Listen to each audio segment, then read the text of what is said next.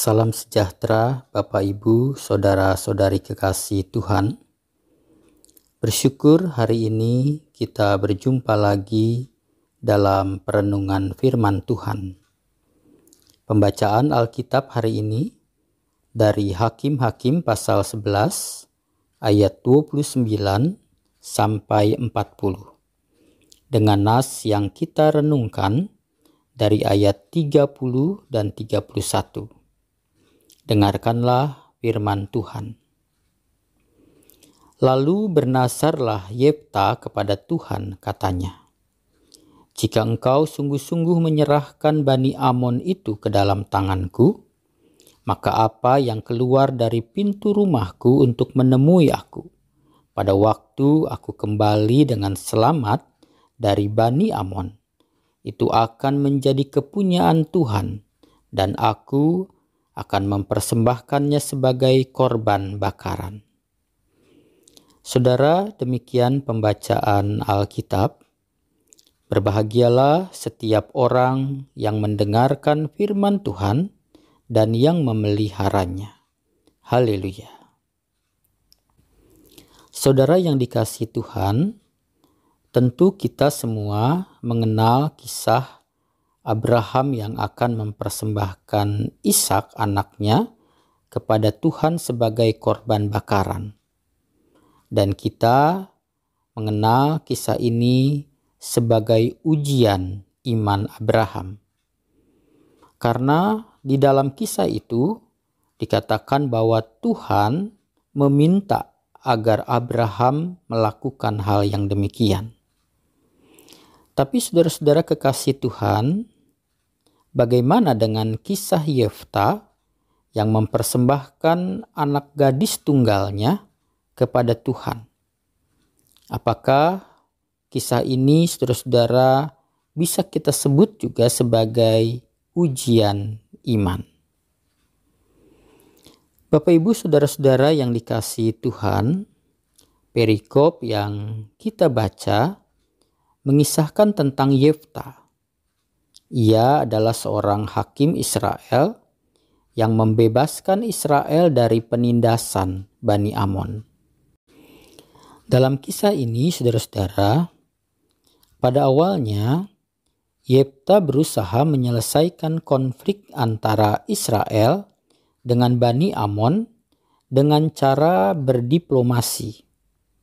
Namun, karena upaya diplomasi gagal, akhirnya Yefta harus berperang melawan Bani Amon untuk membebaskan Israel dari penindasan Bani Amon ini.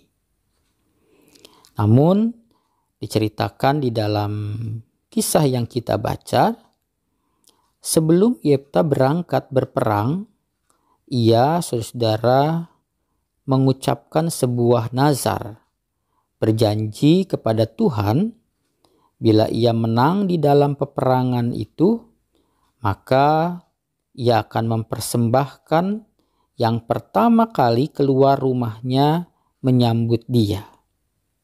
Saudara-saudara, ketika ia pergi berperang, lalu Tuhan memberikan kemenangan yang luar biasa kepada Yefta dan tentara-tentaranya. Dan ketika ia pulang dari berperang itu, yang pertama menyambut kedatangannya ialah anak gadis tunggalnya sendiri. Anak gadis ini menari-nari dengan penuh sukacita menyambut kedatangan ayahnya. Namun, saudara, bisa kita bayangkan Yefta melihat anak gadisnya menari dengan sukacita, ia justru malah menangis dan mengoyak-ngoyakan pakaiannya. Kita tahu, saudara, mengapa ia demikian? Karena ia telah berjanji kepada Tuhan untuk mempersembahkan orang yang pertama kali menyambutnya setelah ia berperang. Saudara-saudara kekasih Tuhan, memang anaknya kemudian maklum dan setuju dengan apa yang menjadi keputusan Yefta dan ia meminta waktu selama dua bulan untuk meratapi nasibnya bersama dengan teman-temannya.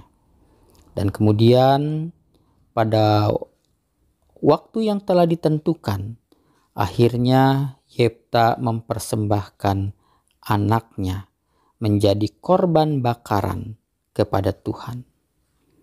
Saudara yang dikasih Tuhan, sungguh tragis kisah ini.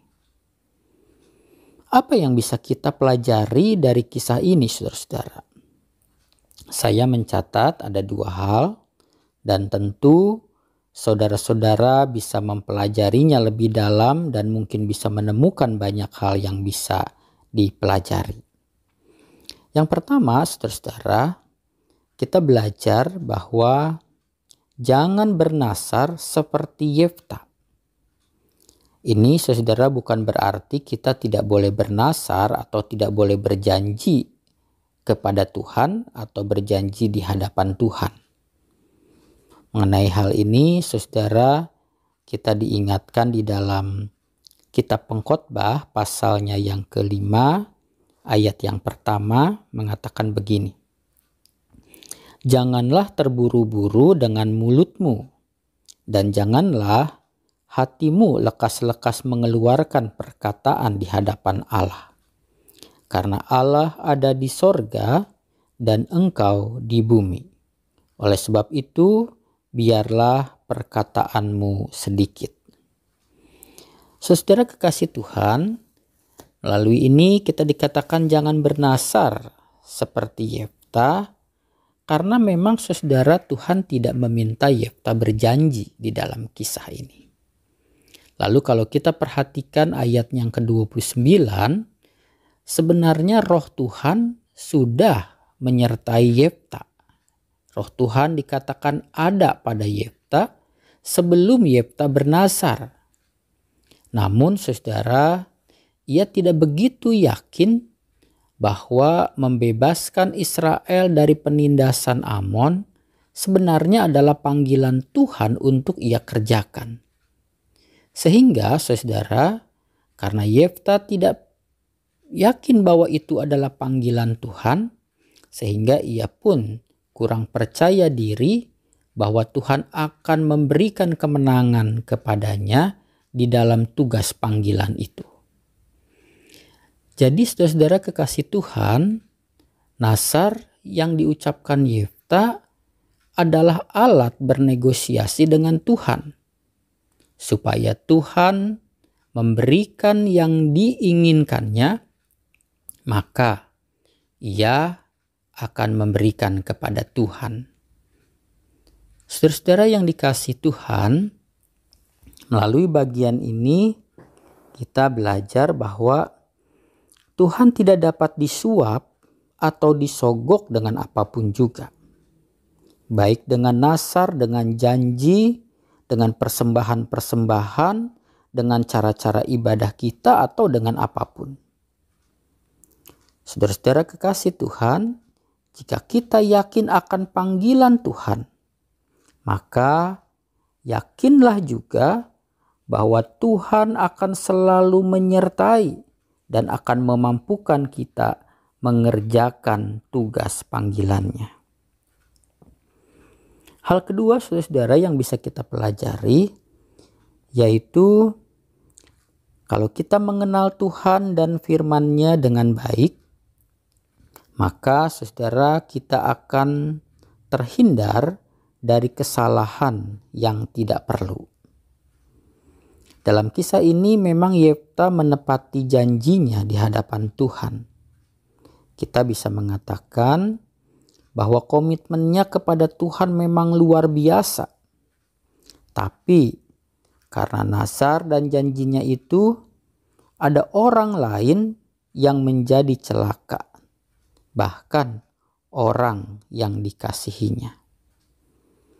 Saudara-saudara kekasih Tuhan, jika Yefta memahami kitab suci, ia sebenarnya bisa belajar dari kisah Abraham yang tidak jadi mempersembahkan Ishak anaknya. Mengapa? Karena Tuhan melarangnya. Atau saudara-saudara, sebenarnya Yefta bisa belajar dari ketetapan-ketetapan yang ditulis oleh Musa di dalam Imamat pasal 27. Khususnya ayat 1 sampai ayat 8. Di dalam ketetapan itu, Yefta masih dapat menebus nasarnya itu. Yaitu dia bisa mengganti apa yang sudah dinasarkan itu dengan bentuk-bentuk persembahan yang sudah ditentukan. Sayangnya, saudara, Yefta tidak tahu atau mungkin ia lupa bahwa Tuhan telah mengatur tentang hal itu. Saudara kekasih Tuhan, ketidaktahuan akan firman Tuhan membuat Yefta tidak bertindak benar.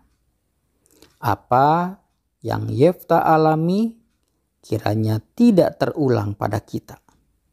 Jangan sampai saudara kita melakukan kesalahan karena kita tidak memahami firman Tuhan. Saudara, demikian firman Tuhan. Kiranya firman Tuhan hari ini menerangi hidup kita. Dan Roh Kudus menolong kita melakukan firman Tuhan, sehingga kita hidup seturut dengan kehendak Bapa di sorga. Amin.